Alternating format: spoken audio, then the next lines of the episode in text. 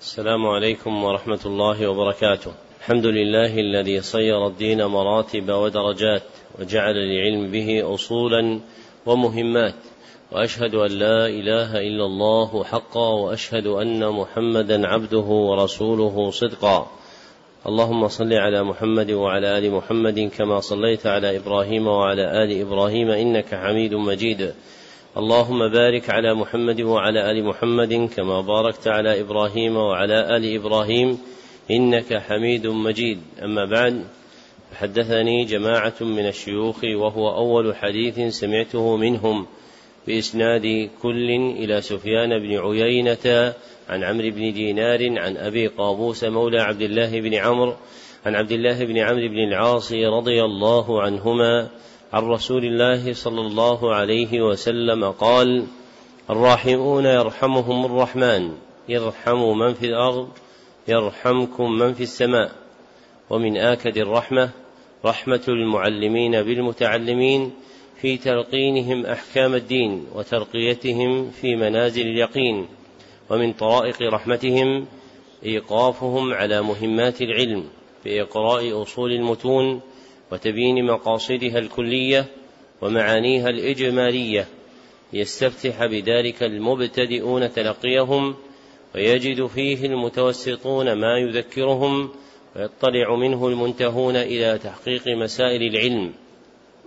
وهذا شرح الكتاب الحادي عشر من برنامج مهمات العلم في سنته الثالثة ثلاث وثلاثين بعد الأربعمائة والألف. وهو كتاب المبتدأ في الفقه على مذهب الإمام أحمد بن حنبل رحمه الله لمعد البرنامج صالح بن عبد الله بن حمد العصيمي. نعم.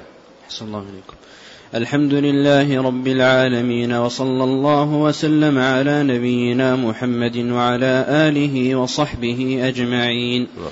اللهم اغفر لشيخنا ولوالديه ولمشايخه وللحاضرين ولجميع المسلمين. أما بعد قلتم حفظكم الله تعالى ورفع قدركم في الدنيا والآخرة في المبتدأ في الفقه على مذهب الإمام أحمد بن حنبل. بسم الله الرحمن الرحيم. الحمد لله الذي أسدى إلينا الخير بإحسانه وأسبغ علينا فيض امتنانه. وصلى الله وسلم على رسوله محمد وعلى آله وصحبه ومن بهديه تعبد. أما بعد فهذا مبتدأ تفقه ومقدمة متفقه على مذهب الفقيه الأنبل الإمام أحمد بن حنبل. رتبته على نمط مخترع وأنموذج مفترع يناسب حال الابتداء ويرغب في مزيد الاعتناء. لاحتوائه على نبذة ملمة من مسائل الطهارة والصلاة المهمة. نفع الله به من شاء من العباد وادخره عنده إلى يوم التناد. قوله فيض امتنانه أي واسع إنعامه. وقوله ومن بهديه تعبد إعلام بأن التعبد يطلب فيه الهدي النبوي. إعلام بأن التعبد يطلب فيه الهدي النبوي وكتب المسائل الفقهية قنطرة تفضي إليه فلا تقصد لذاتها بل على سبيل الاستعانة بها في فهم الكتاب والسنة وتصوير المسائل فتكون من نوع الكتب الآلية. ذكره العلامة سليمان بن عبد الله في تيسير العزيز الحميد ومن جملة المندرج فيما ذكر هذه التحفة اللطيفة في الفقه فهي مبتدأ تفقه ومقدمة متفقه على مذهب الفقيه الأنبل الإمام أحمد بن حنبل رتبها واضعها على نمط مخترع أي نوع من التصنيف في الفقه لم يتقدمه نظير له. وأنموذج مفترع أي مثال مبتكر. ودعا إليه الطمع في إيجاد ما يناسب في الفقه حال الابتداء ويرغب الشارع فيه في مزيد الاعتناء لاحتوائه على نبذة ملمة من مسائل الطهارة والصلاة المهمة.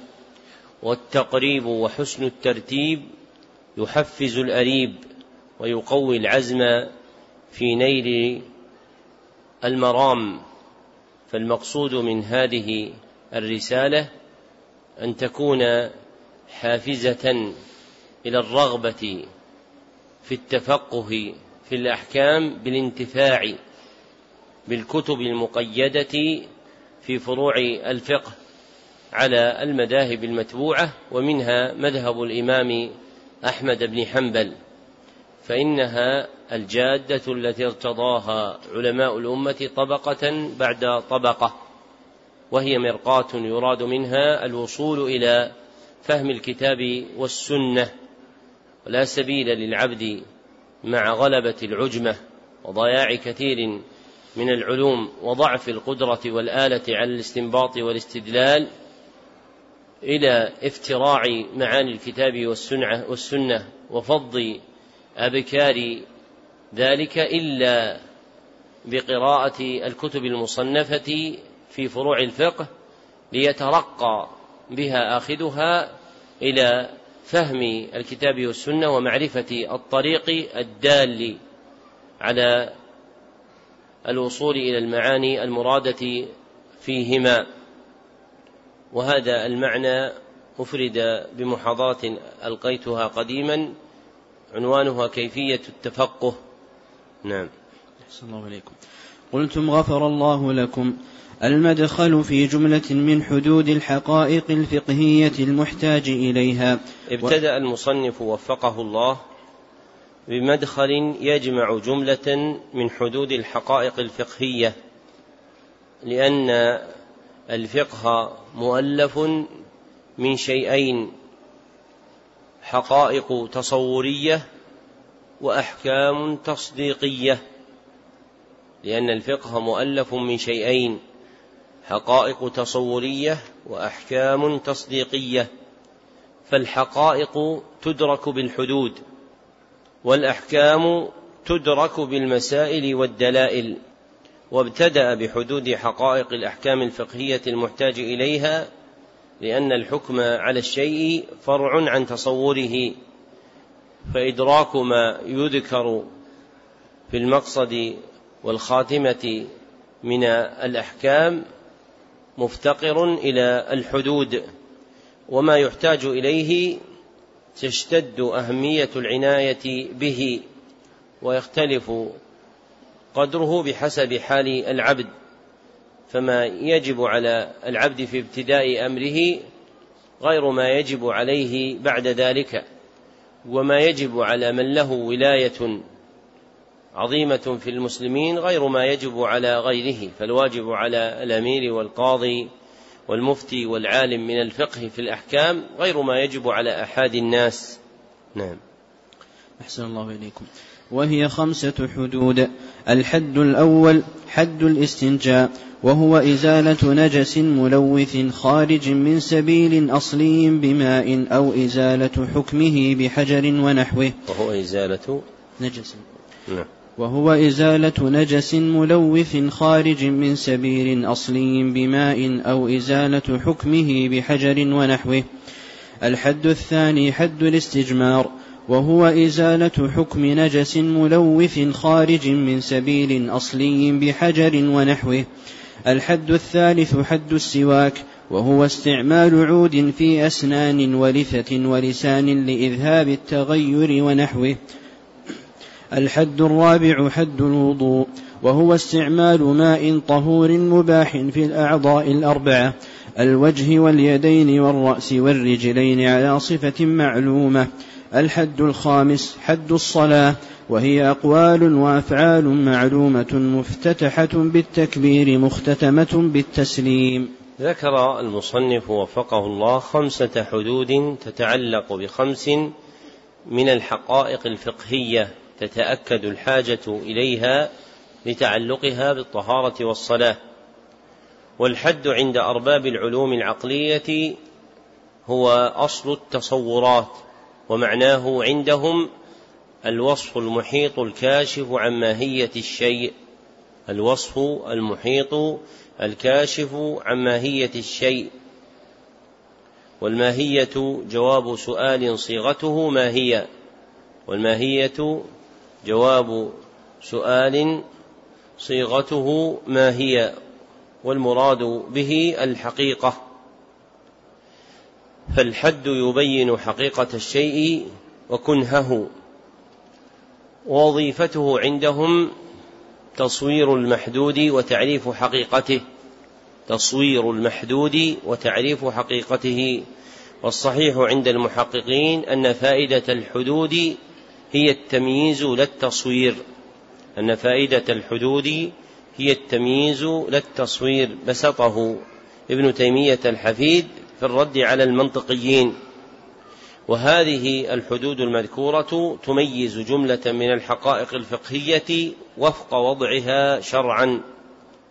فالحد الأول يميز حقيقة الاستنجاء فهو شرعا إزالة نجس ملوث خارج من سبيل أصلي بماء أو إزالة حكمه بحجر ونحوه. والتلويث التقذير والسبيل الأصلي القبل أو الدبر. وإنما عبر بالأصلي لأن الاستنجاء لا يطلق إلا عليه وإلا قيل إزالة نجاسة. فلو خرجت نجاسة من غير السبيل الأصلي ففرضها إزالة النجاسة إزالة النجاسة للاستنجاء فتجري عليها أحكام الأول للثاني ولو كانت بولا أو غائطا. وقوله أو حكمه أي حكم النجس لا حقيقته كما سيأتي. والحد الثاني يميز حقيقة الاستجمار فهو شرعا إزالة حكم نجس ملوث خارج من سبيل أصلي بحجر ونحوه وتختص الإزالة فيه بالحجر ونحوه دون الماء فيكون أخص من الاستنجاء لانحصاره فيما سوى الماء من حجر ونحوه والمزال به في الاستنجاء يعم الماء والحجر وغيرهما لأن المقصود إزالة النجو وهو النجاسة الخارجة. والمزال في الاستجمار هو حكم النجس الملوث. والمزال في الاستجمار هو حكم النجس الملوث لأن الخارج النجس الملوث لا يزول في الاستجمار بالكلية. بل تبقى بلته وهي أثر لا يضر يعفى عنه لمشقة التحرز منه. فإن البلة الناشئة من خروج النجس لا يزيلها إلا الماء فيكون الحجر ونحوه مزيلا للحكم دون الحقيقة. فيعطى حكم إزالة النجاسة الخارجة دون حقيقتها لبقاء أثر منها وهو بلة النجاسة الخارجة. فمن أزال النجس الملوث الخارج من سبيل أصلي بحجر ونحوه فإنما أزال حكمه لا حقيقته لبقاء أثره. والذي نحو الحجر كل ما في معناه مما ينقي كخرق وخزف وغيرهما. والحد الثالث يميز حقيقة السواك فهو شرعا استعمال عود في أسنان ولثة ولسان لإذهاب التغير ونحوه.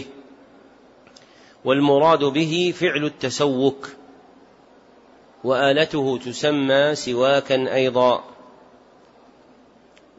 واللثة بكسر اللام وفتح المثلثة مخففة هي لحمة الأسنان أي التي تكون فيها الأسنان سفلا وعلوا وحقيقته الشرعية مختصة باستعمال العود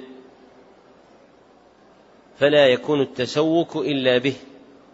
ووقع في كلام ابن مفلح الصغير من فقهاء الحنابلة في المبدع شرح المقنع لما ذكر العود قوله أو نحوه ومقتضاه أن السواك اسم للعود ونحوه كالأصبع أو الخرقة والمذهب اختصاصه بالعود فلا يسمى استعمال غيره سواكا. قاله ابن قدامة في الكافي وهو الصحيح. فمن استعمل إصبعا أو خرقة لإذهاب التغير على أسنانه أو لثته أو لسانه لم يصب السنة لأنها لم ترد به فيما صح من الحديث وإنما ورد العود المعروف.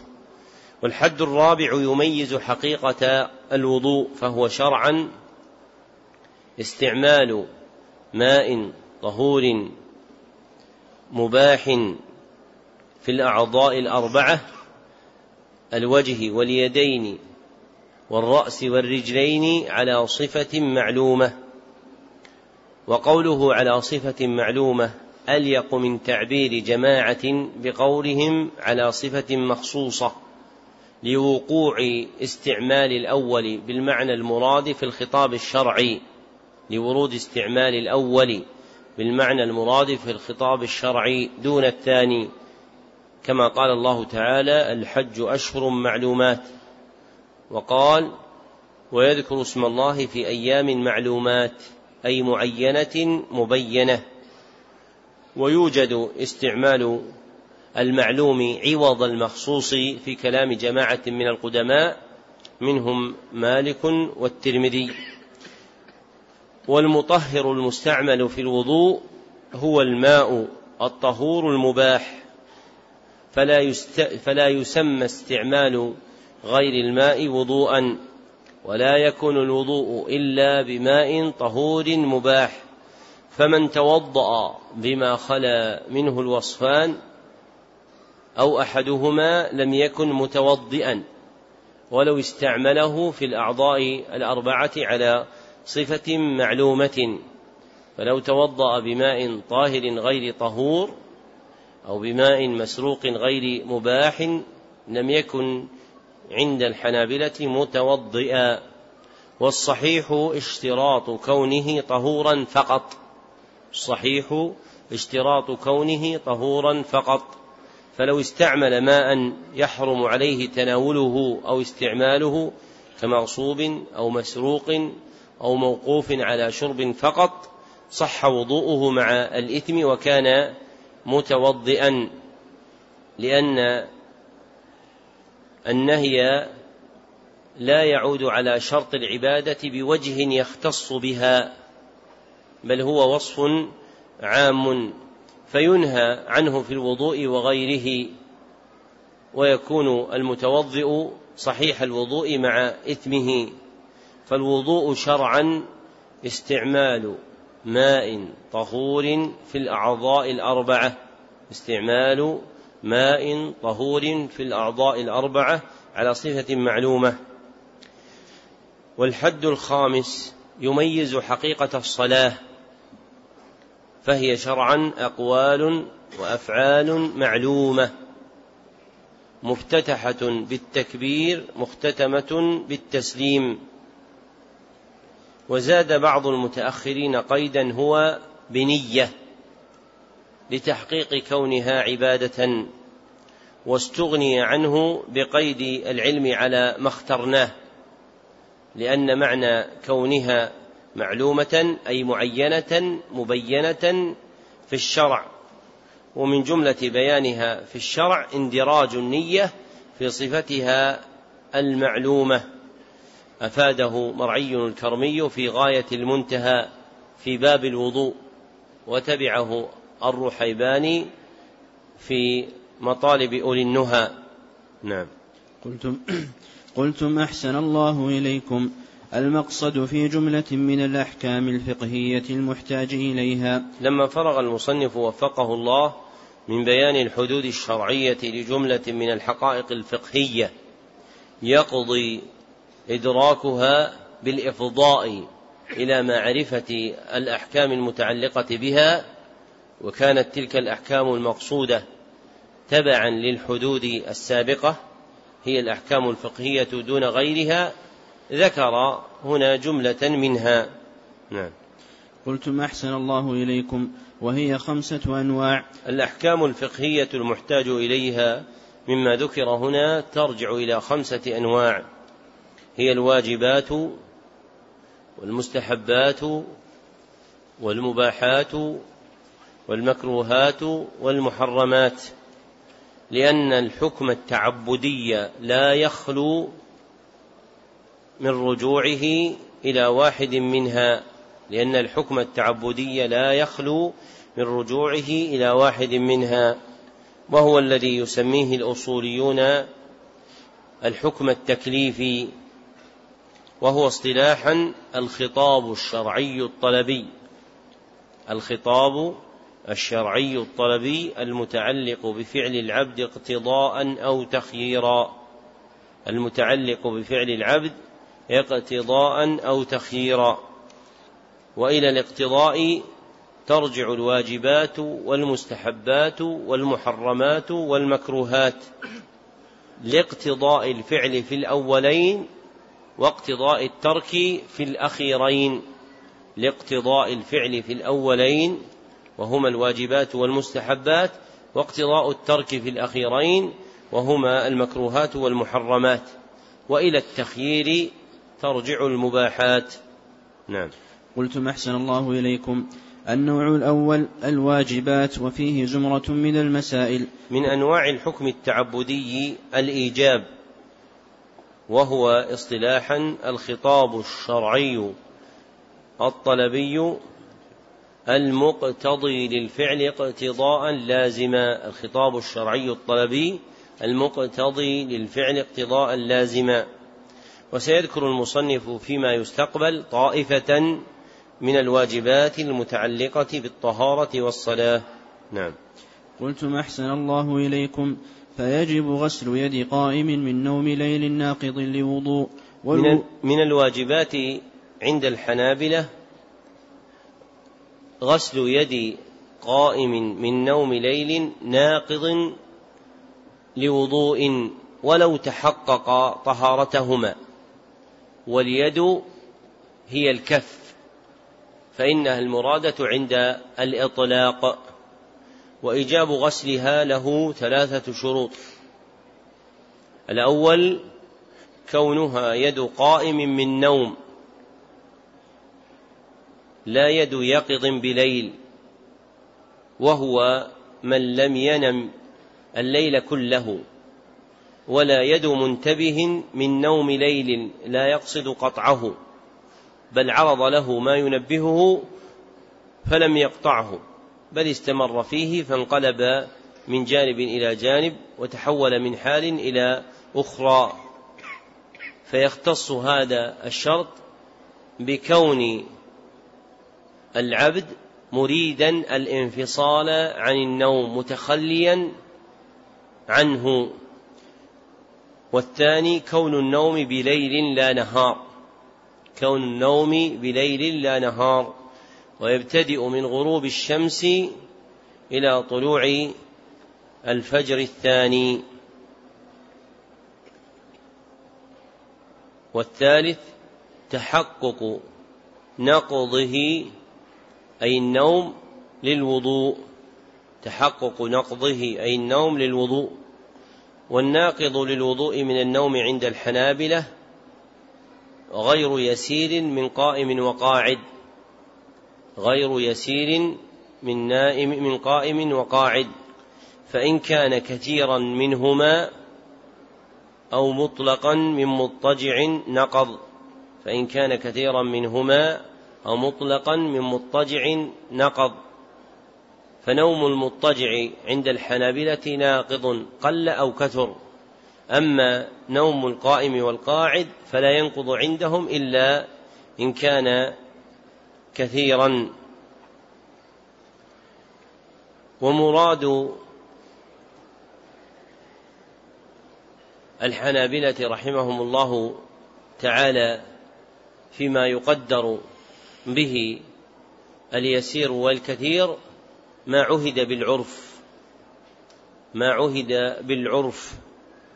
فما عد في العرف يسيرا كان يسيرا وما عد عد فيه كثيرا كان كثيرا ولا بد في النوم الناقض من الغلبة على العقل فمن سمع كلام غيره وفهمه فليس بنائم. وإن سمعه ولم يفهمه فنومه يسير ومن سمعه ولم يفهمه فنومه يسير. ذكره الزركشي في شرح الخرقي.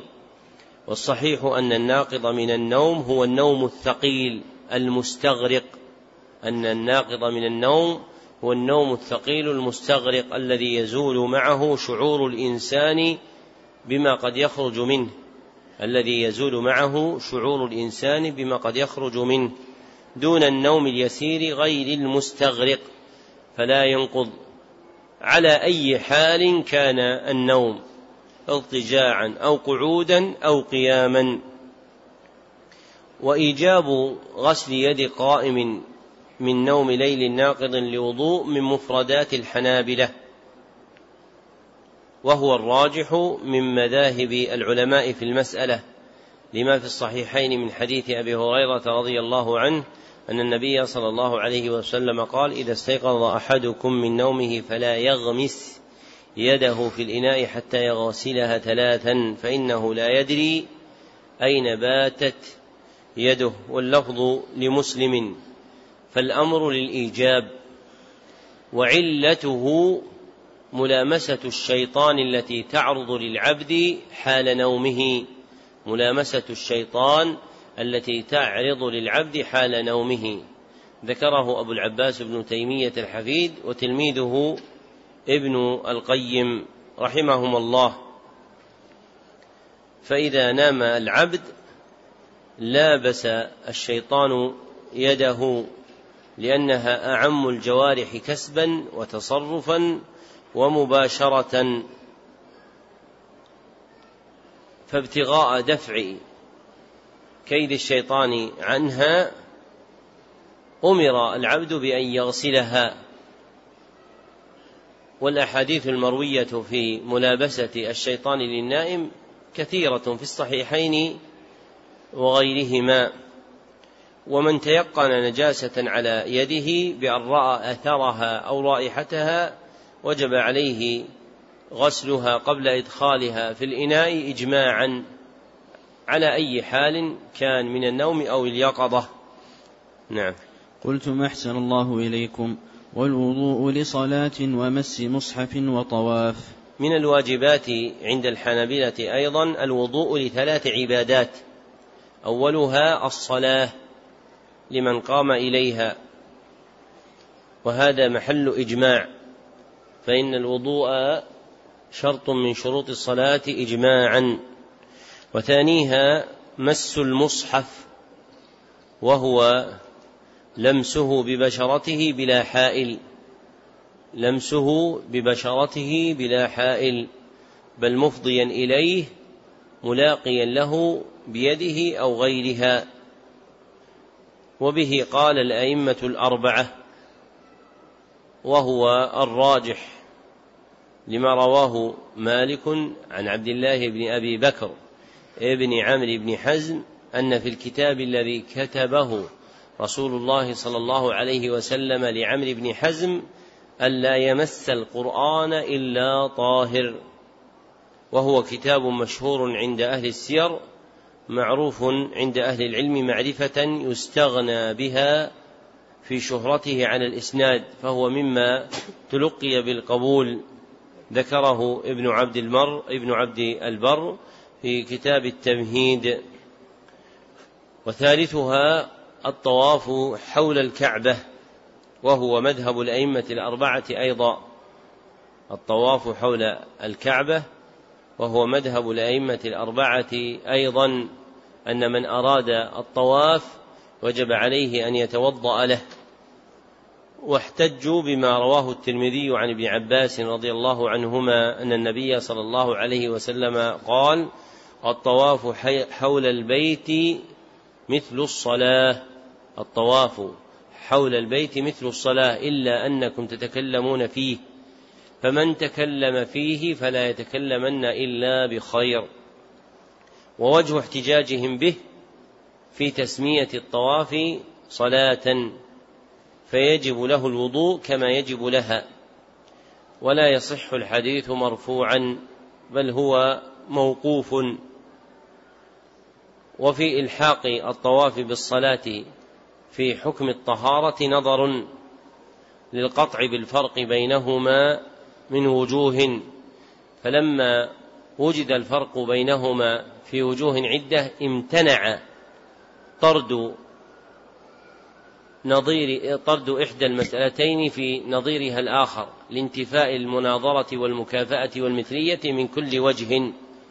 وذهب طائفة من السلف كالحكم بن عتيبة وحماد بن زيد ومنصور بن المعتمر والأعمش أنه لا يجب الوضوء للطواف وأنه ليس شرطا له وهو رواية عن الإمام أحمد اختارها أبو العباس بن تيمية الحفيد وتلميذه ابن القيم لأن الله لم يوجبه ولا أوجبه رسوله صلى الله عليه وسلم وليس فيه إجماع بل النزاع فيه قديم بين السلف وفيما ذهب إليه قوة والأحوط الأول والأحوط الأول.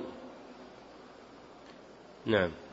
قلتم أحسن الله إليكم النوع الثاني المستحبات وفيه زمرة من المسائل. من أنواع الحكم التعبدي الاستحباب. وهو اصطلاحا الخطاب الشرعي الطلبي المقتضي للفعل اقتضاء غير لازم. الخطاب الشرعي الطلبي المقتضي للفعل اقتضاء غير لازم. وسيذكر المصنف فيما يستقبل طائفة من المستحبات المتعلقة بالطهارة والصلاة. نعم.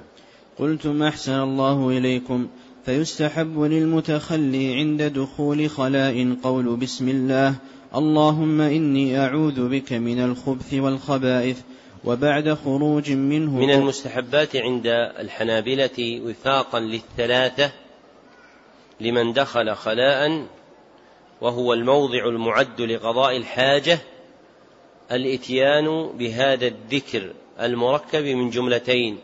الأولى بسم الله وهي مروية في حديث ضعيف.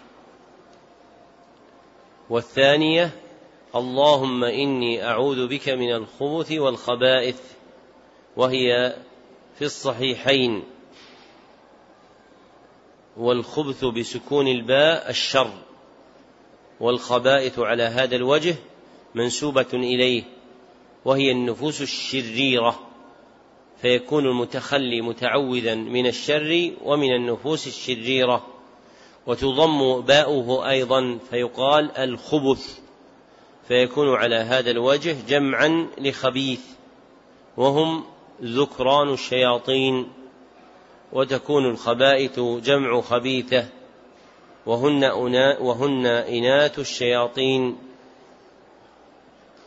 وإنما أريد بهذا المعنى ذكرانا وإناثا لأن الخلاء من المحال التي تتخذها الشياطين مستقرا لها. ويقول المتخلي هذا الذكر عند إرادة دخول الخلاء فإذا أراد أن يدخل قال هذا الذكر قبل دخوله. وإن كان في فضاء كصحراء جاء به في أول الشروع عند تشمير ثيابه. فإذا شمر ثيابه فإذا أراد تشمير ثيابه لإرادة قضاء حاجته جاء بالذكر المتقدم. نعم. قلتم أحسن الله إليكم. وبعد خروج منه قول غفرانك الحمد لله الذي أذهب عني الأذى وعافاني. إذا خرج المتخلي من الخلاء استحب له عند الحنابلة أيضا وفاقا للثلاثة يعني للأئمة الثلاثة الآخرين الإتيان بهذا الذكر المركب من جملتين الأولى غفرانك وهي عند الترمذي من حديث عائشة بسند حسن. والثانية الحمد لله الذي أذهب عني الأذى وعافاني وهي عند ابن ماجه من حديث أنس رضي الله عنه ولا يصح. ويقول المتخلي هذا الذكر عند خروجه من الخلاء إذا برز منه وفارقه فإن كان في فضاء كصحراء جاء به بعد فراغه إذا أرسل ثيابه بعد تشميرها أي إذا وضع ثيابه وأرخاها بعد فراغه من قضاء حاجته. قال الذكر المتقدم. نعم. قلتم أحسن الله إليكم. وتقديم رجله اليسرى عند دخوله واليمنى عند الخروج منه. من المستحب عند الحنابلة للمتخلي وفاقا للثلاثة أن يقدم رجله اليسرى عند دخول الخلاء وإذا خرج قدم اليمنى عكس مسجد ونعل ونحوهما. فاليسرى تقدم للأذى واليمنى لما سواه من التكريم والدخول إلى الخلاء داعيه التخلص من أذى الحاجة. والخروج منه خروج إلى حال أكمل وأفضل فيكون من جهة المعنى المناسب للأول هو الدخول باليسرى والمناسب للثاني هو الخروج باليمنى ولا يروى في ذلك شيء مرفوع يثبت وإنما ملاحظة المعنى المذكور وهو من المعاني والمقاصد التي رعتها الشريعة. نعم. قلتم أحسن الله إليكم ويستحب السواك ويستحب السواك بعود لين منق غير مضر لا يتفتت ولصائم من المستحبات عند الحنابلة وفاقا للثلاثة السواك وآلته العود الذي يستاك به وصفته المستحبة أن يكون لينا غير خشن سواء كان رطبا أو يابسا مندى والمندى هو المبلول.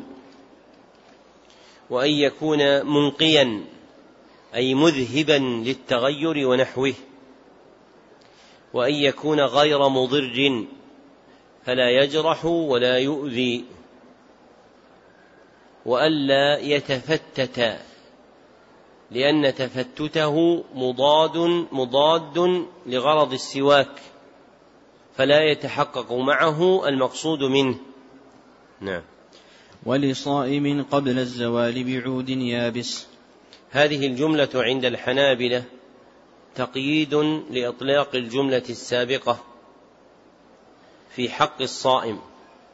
فإن السواك يستحب له بعود يابس غير رطب قبل الزوال ولم يختلف أهل العلم في كونه مستحبا للصائم قبل الزوال بعود يابس غير رطب أشار إليه ابن قاسم العاصمي وإنما اختلفوا في الرطب وهو مباح عند الحنابلة كما سيأتي فيما كان قبل الزوال.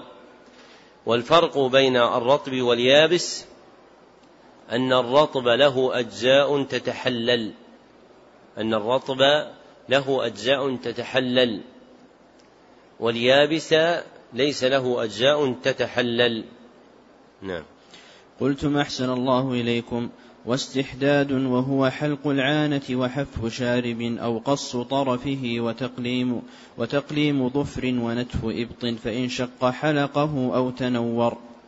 ذكر المصنف في هذه الجملة أربعا من المستحبات قرن بينهن لأنهن من خصال الفطرة فأولهن الاستحداد وهو حلق شعر العانة وهو الشعر المحيط بالفرج. سميت إزالته استحدادا لاستعمال الحديدة في ذلك فهو استفعال من الحديد والإجماع منعقد على استحبابه. والثانية حف الشارب أو قص طرفه وحفه أولى فيستحب حف الشارب بالاستقصاء في أخذه وهو مذهب أبي حنيفة أيضا. أو قص أو قص طرفه بالحف من طرف الشفة لا من أصل الشعر فيكون المزال من حد الشفة لا من أصل الشعر وهو مذهب مالك والشافعي. وإياه أراد من ذكر من الشافعية الحف فإنهم يريدون القص ودلت السنة على الأمرين كما قال ابن جرير. فالعبد مخير بينهما. والثالثة تقليم الأظفار واستحبابه مجمع عليه. والرابعة نتف الإبط نتف الإبط أي نزع شعره. والإبط بكسر الهمزة وسكون الباء المهملة وسكون الباء الموحدة وهو باطن المنكب. ولا خلاف في كونه مستحبا. وإن شق نتفه وهو نزعه باليد حلقه بآلة أو تنور أي استعمل النورة وهي أخلاط معروفة تزيل الشعر عند استعمالها. وفي معناها ما في أيدي الناس مما يتحقق به الغرض المذكور. وثلاث من هؤلاء الأربع من سنن الفطرة مستحبة إجماعا وهي الاستحداد وتقليم الأظفار ونتف الإبط. نعم.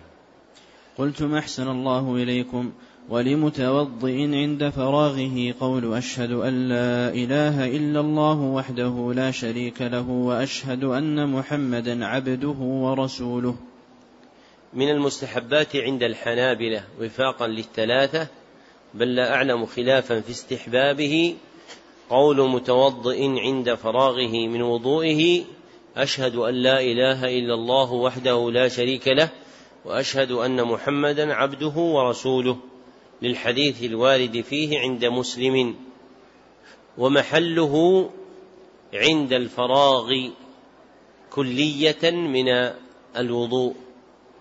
فلا يشرع قوله عند بقاء غسل قدمه اليسرى بل لا يقوله إلا إذا انفصل عن الوضوء وانقطع منه. نعم. قلتم أحسن الله إليكم ويستحب للمصلي قبل قراءة الفاتحة في أول ركعة من الصلاة استفتاح وتعوذ. من المستحب للمصلي عند الحنابلة قبل أن يقرأ الفاتحة في أول ركعة من الصلاة دون بقية الركعات أمران.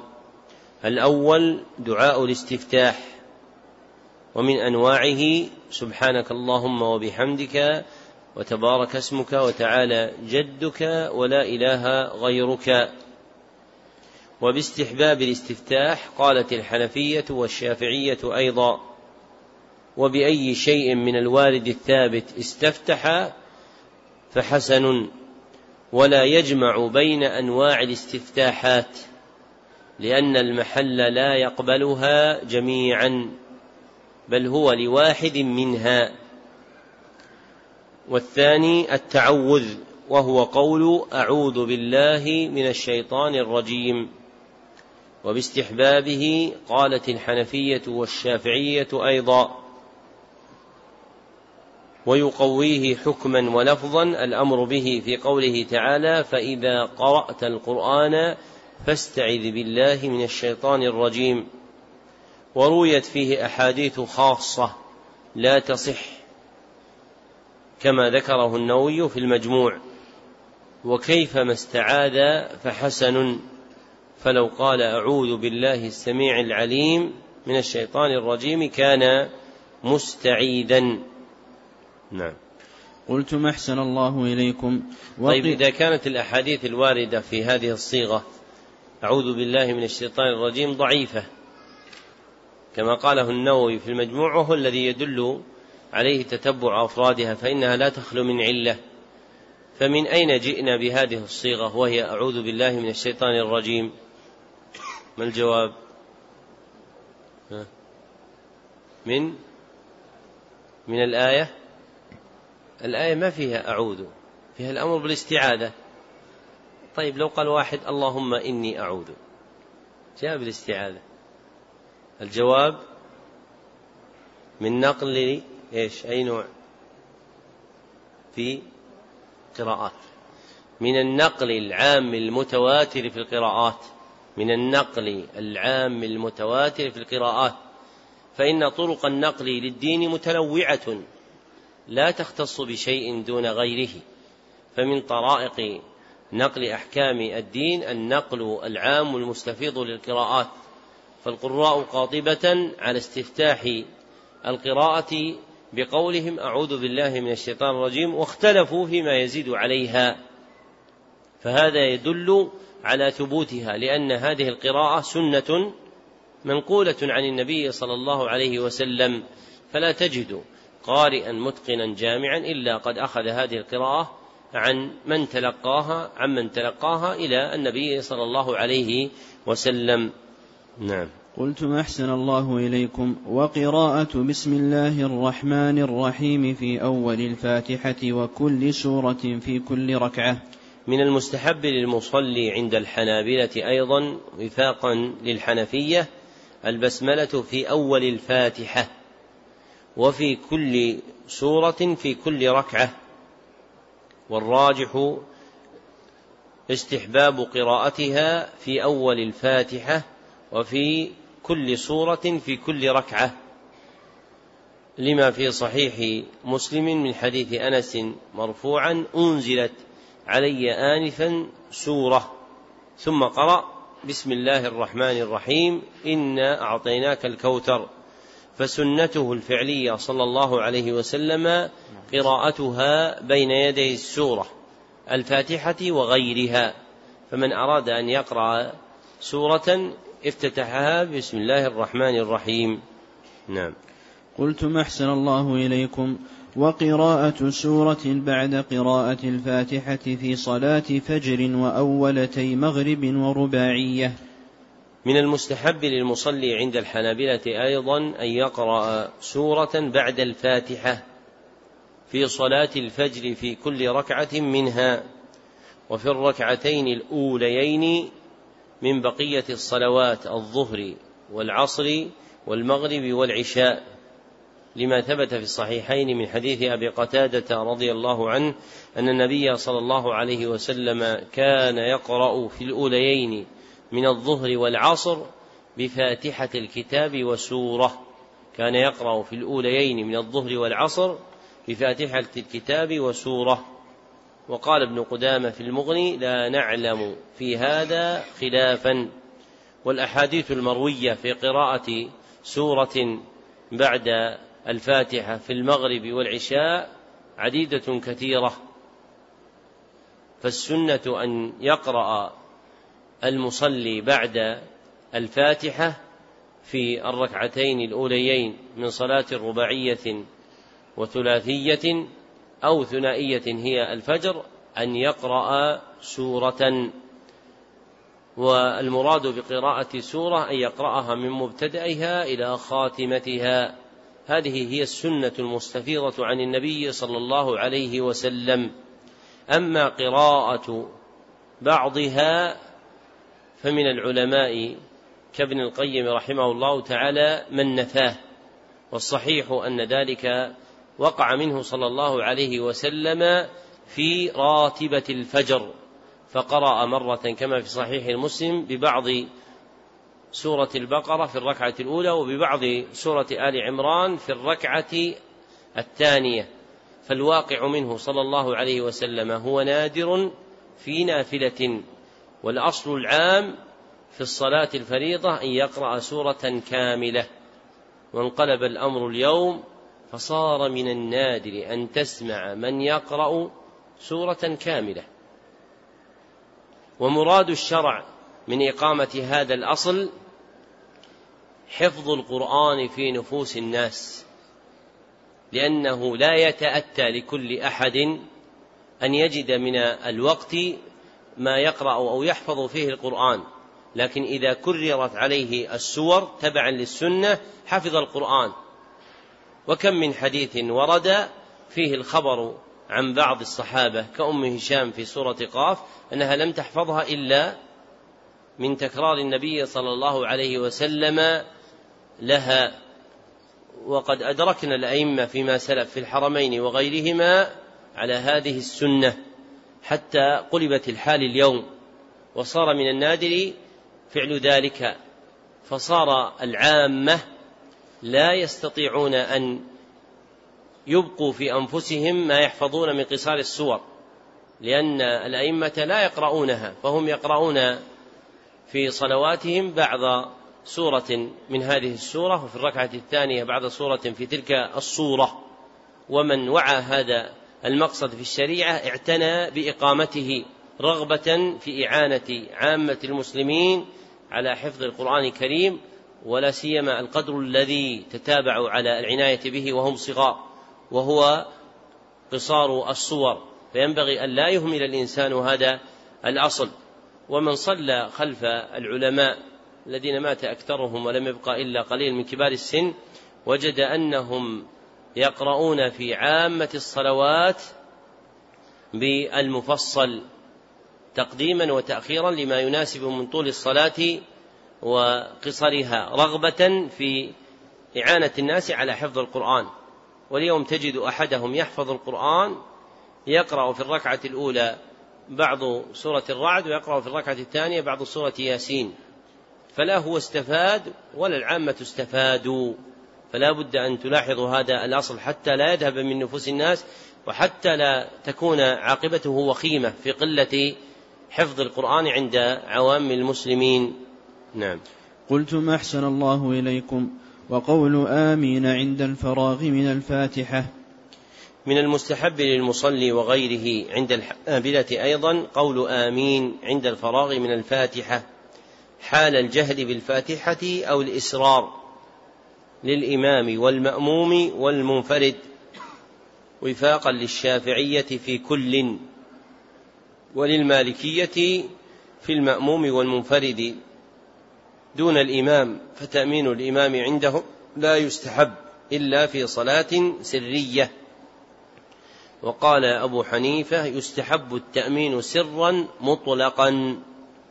والراجح استحباب تأمين المصلي مطلقا إماما أو مأموما أو منفردا في صلاة جهرية أو سرية لما رواه أبو داود والترمذي عن وائل بن حجر رضي الله عنه قال كان رسول الله صلى الله عليه وسلم إذا قرأ ولا الضالين قال آمين. ورفع بها صوته وإسناده صحيح. وفي الصحيحين عن أبي هريرة رضي الله عنه أن النبي صلى الله عليه وسلم قال إذا أمن الإمام فأمنوا فإنه من وافق تأمينه تأمين الملائكة غفر له ما تقدم من ذنبه. نعم. قلتم أحسن الله إليكم وما زاد على مرة في تسبيح ركوع وسجود وفي سؤال المغفرة بين السجدتين. من المستحب للمصلي عند الحنابلة أيضا الزيادة على المرة في تسبيح ركوع وسجود وفي سؤال المغفرة بين السجدتين. ونقل الترمذي الإجماع على الأول واستحباب الزيادة في الموضع الثاني مذهب الأئمة الأربعة ولا أعلم فيه خلافا إلا أني لم أجد للإجماع لم أجد للإجماع ناقلا.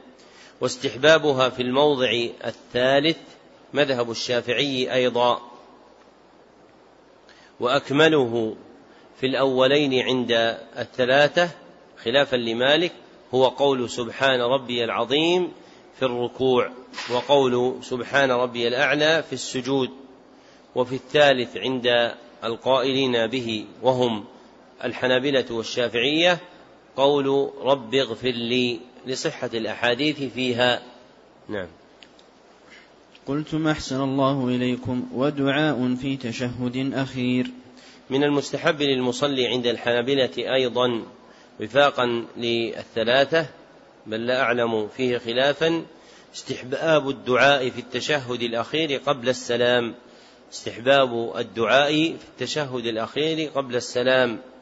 لما في الصحيحين من حديث ابن مسعود رضي الله عنه بعد ذكر التشهد ثم يتخير من الدعاء أعجبه إليه فيدعو.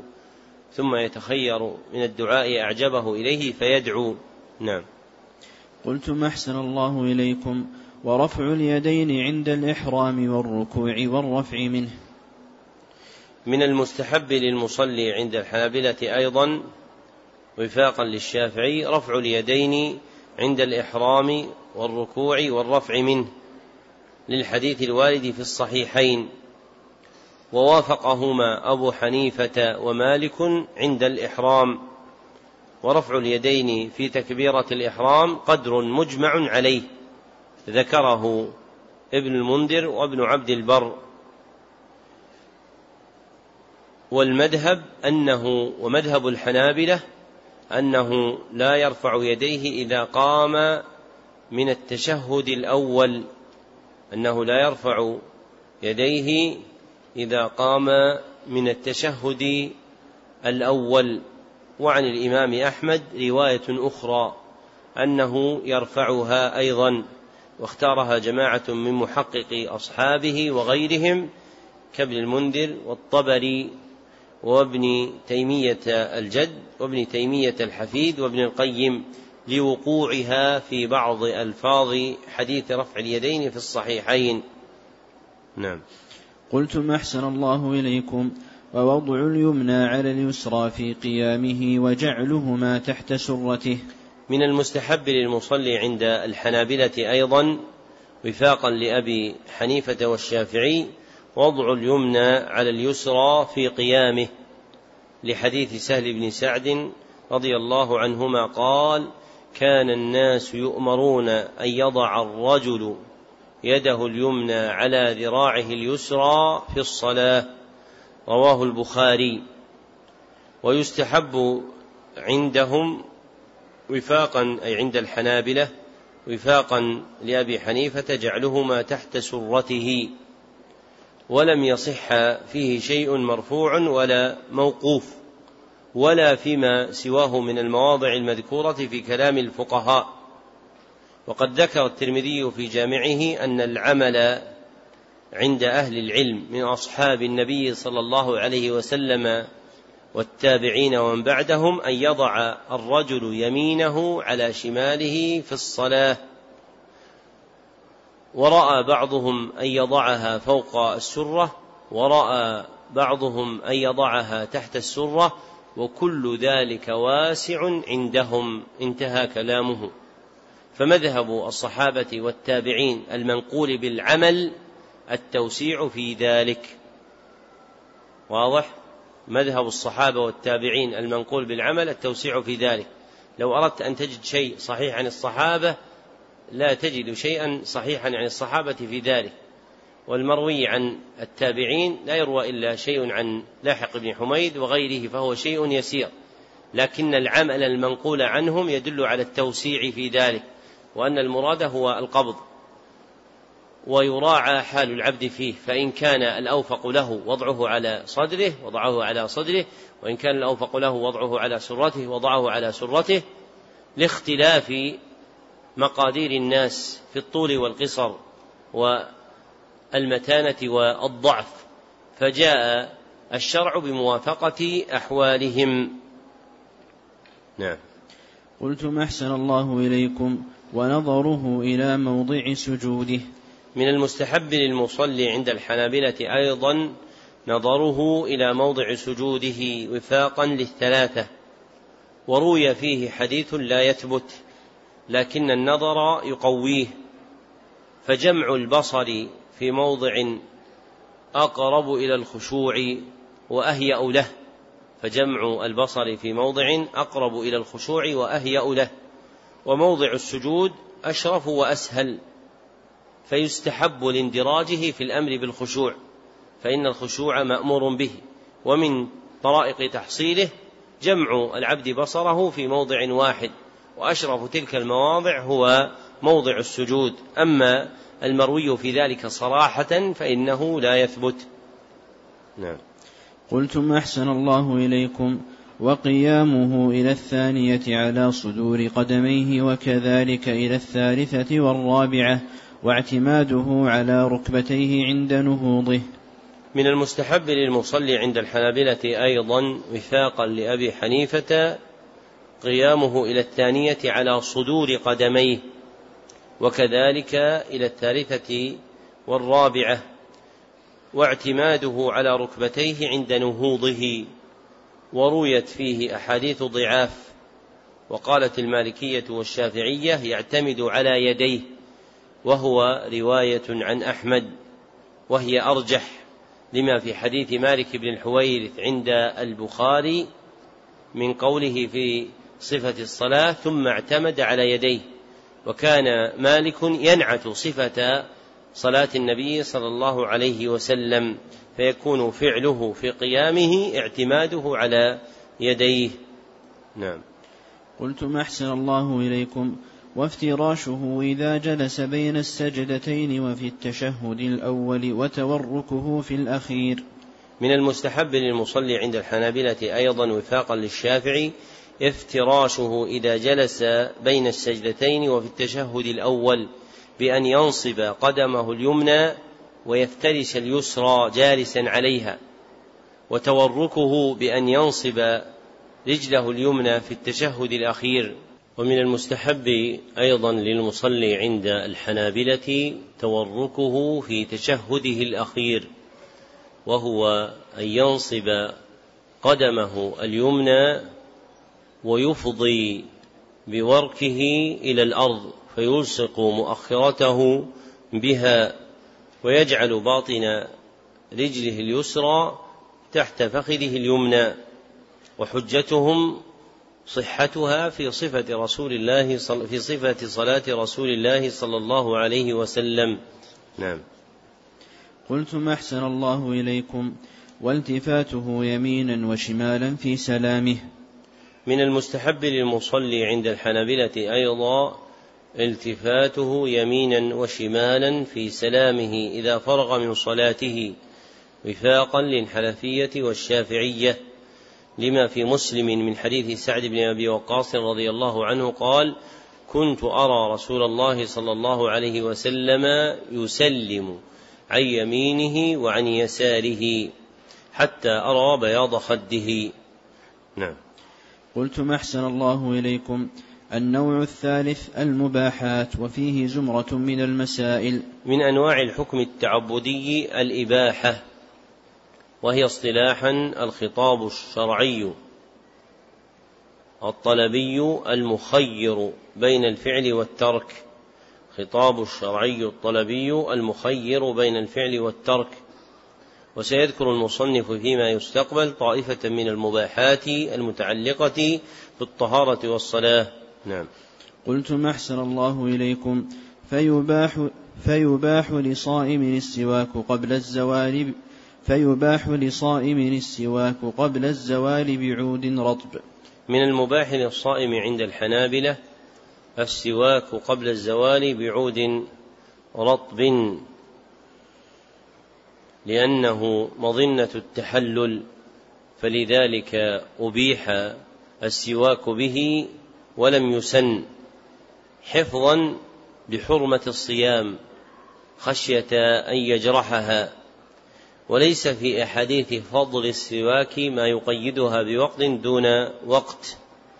وظن التحلل لا يقوى للحكم بالكراهة لأنه ليس غالبا فإنهم كرهوا له ذلك ورأوا أن المباح قبل الزوال فقط أما بعده فهو عندهم مكروه.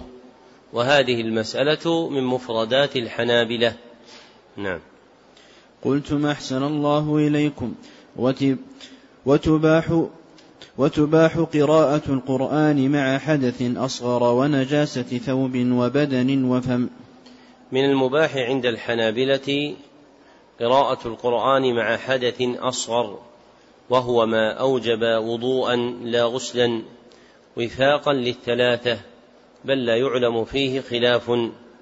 فمن كان محدثا حدثا أصغر جاز له أن يقرأ القرآن لكن دون مس.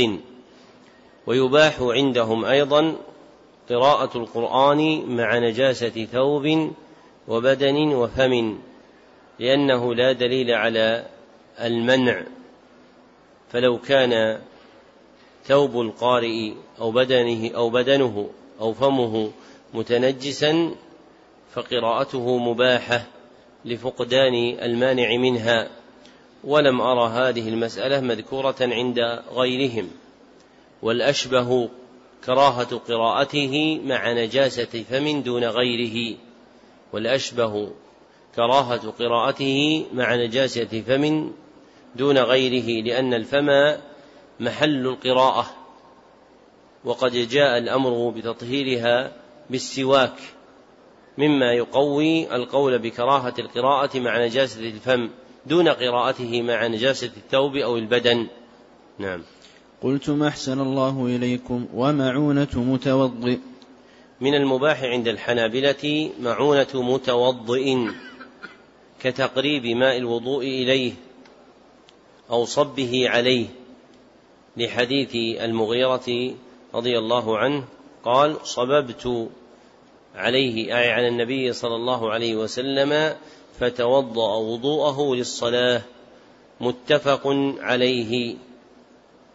فإن كانت الإعانة لعذر كأن تكون لا قدرة للمتوضئ عليه وجبت إعانته لأنه لا يتمكن من وضوئه إلا بها. نعم. قلتم أحسن الله إليكم النوع الرابع المكروهات وفيه زمرة من المسائل.